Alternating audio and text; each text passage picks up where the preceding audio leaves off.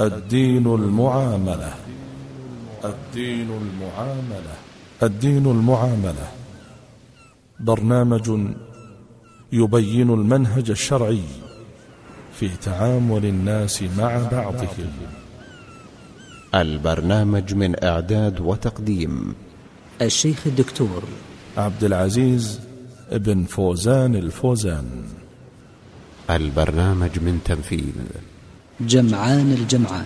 بسم الله الرحمن الرحيم. الحمد لله رب العالمين. والصلاة والسلام على عبده ورسوله نبينا محمد وعلى آله وصحبه أجمعين. مستمعي الكرام سلام الله عليكم ورحمته وبركاته. لا يزال الحديث موصولا حول الأسباب المعينة على تربية الأولاد والسبب الثامن وهو مهم جدا تعليق قلوب الأولاد بالآخرة. فإذا أحسن أحدهم في قول أو فعل أو ترك محظور فادع له بالفوز برضوان الله تعالى وأن يجزيه الجنة ويجيره من النار.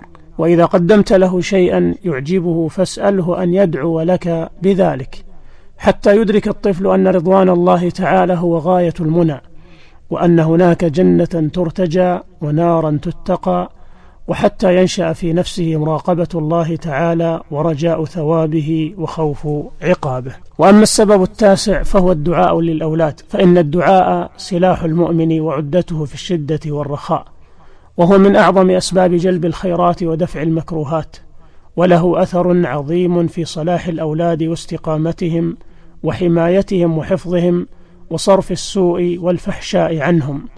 وينبغي أن تدعو لأولادك قبل أن يخلقوا وقبل أن ينشأوا في رحم أمهاتهم وأن تدعو لهم بعد أن يكونوا أجنة في بطون أمهاتهم ثم تلح على الله بكثرة الدعاء لهم بعد ولادتهم وحين بلوغهم سن المراهقة وما بعدها. وقد أثنى الله عز وجل على عباد الرحمن بقوله والذين يقولون ربنا هب لنا من أزواجنا وذرياتنا قرة أعين واجعلنا للمتقين إماما. وذكر عن إبراهيم عليه الصلاة والسلام أنه كان يدعو بقوله واجنبني وبني أن نعبد الأصنام وقوله رب اجعلني مقيم الصلاة ومن ذريتي ربنا وتقبل دعاء. وكما دعا زكريا عليه الصلاة والسلام بقوله رب هب لي من لدنك ذرية طيبة إنك سميع الدعاء. وكم من والد ابتلي بأولاد غير صالحين وما زال يلح على الله بالدعاء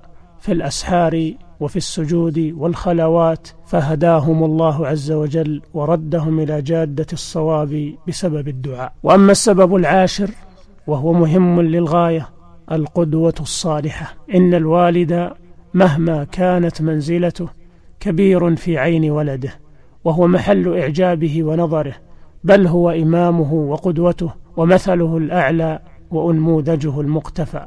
وهذا يحتم عليك أيها الوالد أبا أو أما أن تكون قدوة صالحة لأولادك وداعية لهم إلى الخير بأخلاقك وحسن أفعالك ونموذجا يحتذى في الاستقامة والتقوى واستباق الخيرات وترك المنكرات وإياك إياك إياك والتناقض ومخالفة القول للفعل فإنك إن فعلت ذلك لم يسمع لقولك ولن ينفع نصحك وتحذيرك وستنزع المهابة لك من نفوس أولادك وهل تستطيع أن تأمرهم بالصلاة وتحثهم عليها وأنت تارك لها أو متكاسل عنها؟ وهل بإمكانك نهيهم عن اللعن والفحش وبذاءة اللسان وأنت تطيل لسانك عليهم وعلى غيرهم باللعن وساقط القول وبذيء الكلام. وهل يقبلون منك نهيهم عن قرناء السوء وجلساؤك منهم؟ وهل يمكنك نهيهم عن التدخين وأنت من أهله والمتعاطين له؟ ولله در أبي الأسود الدؤلي حين قال يا أيها الرجل المعلم غيره هل لا لنفسك كان ذا التعليم تصف الدواء لذي السقام وذي الظنا كيما يصح به وأنت سقيم لا تنهى عن خلق وتأتي مثله. عار عليك إذا فعلت عظيم. ابدأ بنفسك فانهها عن غيها. فإذا انتهت عنه فأنت حكيم. فهناك يسمع ما تقول ويقتدى بالفعل منك وينفع التعليم. ثم اعلم أيها الأب أن صلاحك في نفسك صلاح لأولادك. فصلاح الآباء يدرك الأبناء في الغالب وهو مشاهد في الواقع. ومن حفظ حدود الله حفظه الله تعالى في نفسه وأهله وماله وأقر عينه بصلاح أولاده وصرف عنهم السوء والفحشاء بسبب صلاحه ودعواته كما قال الله تعالى عن أولئك الغلامين في سورة الكهف وكان أبوهما صالحا وما أجمل قول الشاعر رأيت صلاح المرء يصلح أهله ويعديهم داء الفساد إذا فسد ويشرف في الدنيا بفضل صلاحه ويحفظ بعد الموت في الأهل والولد. اللهم ربنا هب لنا من أزواجنا وذرياتنا قرة أعين واجعلنا للمتقين إماما. اللهم كما مننت علينا بالأولاد فوفقنا للقيام عليهم بحسن التربية والإعداد. اللهم حسن خلقهم وأخلاقهم واشرح صدورهم للإسلام واهدهم سبل السلام. وجنبهم الفواحش والآثام وأخرجهم من الظلمات إلى النور وزينهم بزينة الإيمان واجعلهم هداة مهتدين غير ضالين ولا مضلين برحمتك يا أرحم الراحمين. وأما السبب الحادي عشر وهو من أهم الأسباب وأجمعها فهو الحرص على سلوك الأساليب التربوية النبوية وهي أساليب كثيرة جدا. كثير منا أيها الأحبة لديه أطفال ولكن هل تعاملنا معهم كما كان يتعامل معهم رسولنا صلى الله عليه وسلم؟ إنه صلى الله عليه وسلم قدوتنا ومعلمنا وإمامنا في كل أمر من أمورنا والطفولة لها سماتها وحاجاتها الخاصة التي تتطلب منا فهمها لنحسن التعامل معها والتجاوب مع حاجاتها وتوجيهها نحو ما يسعدها ويسعد مجتمعاتها. وقد تعددت الدراسات والأبحاث العلمية التي تناولت هذه المرحلة العمرية. وكل ما توصلت إليه من نتائج وتوصيات فإنه لا يكاد يخرج عما وصى به رسولنا صلى الله عليه وسلم أو مارسه في تربيته للأطفال من أهله أو غيرهم. فإنه لم يجعل طرائق التربية وأساليبها على صورة واحدة مع كل أحد فإن ما يناسب فئة قد لا يناسب أخرى ولأنه لو كانت الأساليب واحدة ربما ملتها النفوس وسئمتها القلوب وإنما جعل لذلك أساليب متعددة وطرائق متجددة متنوعة. فتارة يربي صلى الله عليه وسلم بالقدوة التي هي من أعظم الأساليب التربوية على الإطلاق لكونها ترسل إلى الآخرين رسالة صامتة على أن هذا هو الحق وأن تطبيقه ليس بالأمر المستحيل بل هو في متناول الجميع ومقدور لكل أحد. وليست الأمة اليوم في حاجة إلى شيء أكثر من حاجتها إلى قدوات صالحة مبدعة في كل ميدان من ميادين الحياة. وتارة يربي صلى الله عليه وسلم بالقصة التي ترسل إلى الآخرين رسالة مؤثرة بما تشتمل عليه من الدروس والعبر والعظات والمواقف مع ما تشتمل عليه من قوة التأثير. وتارة يربي بضرب الأمثال حين يربط بين معنيين أحدهما غائب عن النفس والآخر حاضر مشاهد فتقريب صورة الغائب عن الحس إلى عالم المحسوس المشاهد مثيرة للعقل والقلب والعاطفة على حد سواء وتارة يربي بالأحداث فيستغل كل حدث ويستثمره لكي يعطي فيه صورة مؤثرة من التربية والتوجيه فتظل تعلق بخفايا النفس فترة طويلة من الزمن. وتارة يربي بالترغيب والترهيب في موازنة مدروسة لتقارن النفس حين تسمع الخير ونتائجه وآثاره ثم تنتقل إلى الجانب الآخر فتسمع الشر ونتائجه وآثاره لتقارن بين الحالتين. وتارة يربي بالمداعبة والملاعبة التي تدخل السرور إلى النفس وتمهد الطريق للنصح والتوجيه في أسلوب محبب إلى غير ذلك من الأساليب الكثيرة التي حفلت بها السنة النبوية. ويمكن إجمالها في ثمانية عشر اسلوبا على النحو الآتي.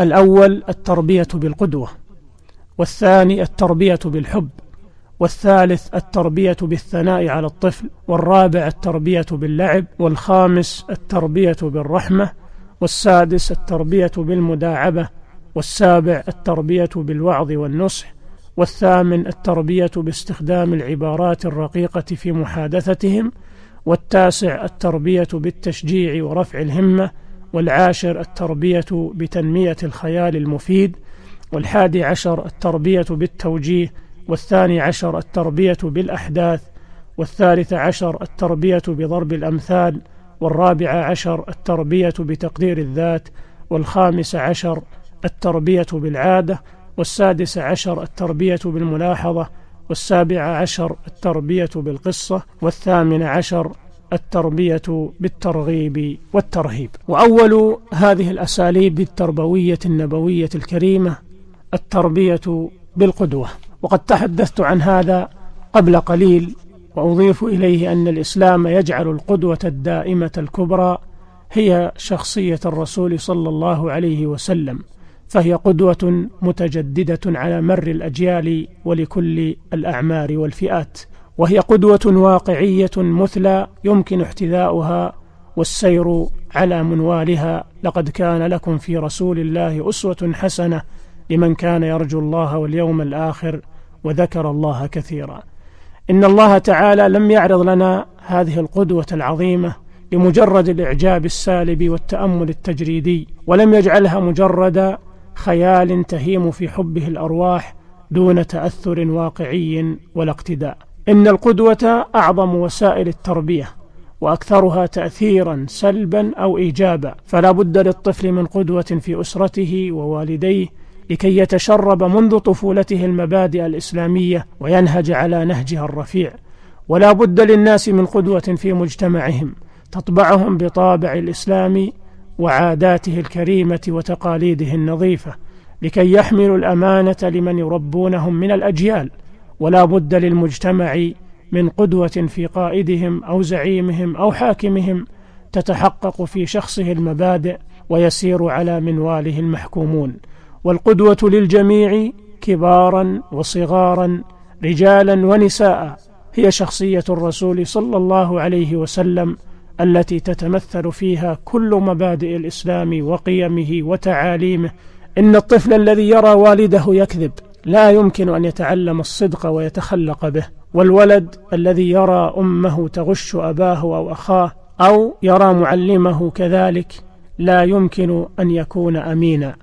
والولد الذي يقسو عليه أبواه ويصادران رأيه لا يمكن أن يتعلم الرفق في المعاملة والرحمة بالخلق والقدرة على التعاون والتحاور واحترام الآخرين. وها هو الطفل عبد الله بن عباس رضي الله عنهما عندما شاهد أمامه من يقوم الليل فإنه يسارع لذلك ويلحق برسول الله صلى الله عليه وسلم.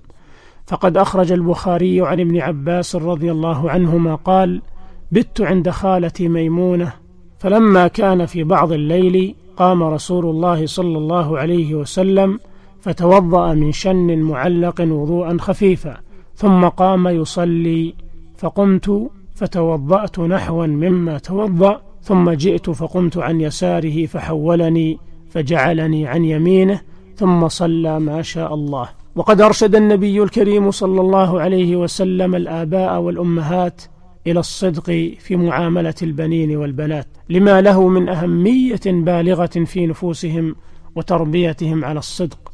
فعن عبد الله بن عامر رضي الله عنه قال دعتني أمي ورسول الله صلى الله عليه وسلم قاعد في بيتنا فقالت ها تعال أعطك. فقال لها صلى الله عليه وسلم ما أردت أن تعطيه؟ قالت أعطيه تمرا. فقال لها أما إنك لو لم تعطه شيئا كتبت عليك كذبة. وهكذا نجد النبي صلى الله عليه وسلم يحذر من هذه الخصلة الذميمة حتى على الأطفال الذين لم يعقلوا بعد. وما ذلك إلا لأثر ذلك في نفوسهم وحتى لا يتعودوا على الكذب حين كبرهم. هذه بعض صور القدوة الصالحة من سيرة النبي صلى الله عليه وسلم والأحاديث عنه في هذا كثيرة. وللحديث بقية في الحلقة القادمة. أستودعكم الله الذي لا تضيع ودائعه. والسلام عليكم ورحمة الله وبركاته. الدين المعاملة. الدين المعاملة. الدين المعاملة. برنامج يبين المنهج الشرعي في تعامل الناس مع بعضهم. البرنامج من إعداد وتقديم الشيخ الدكتور عبد العزيز بن فوزان الفوزان. البرنامج من تنفيذ جمعان الجمعان.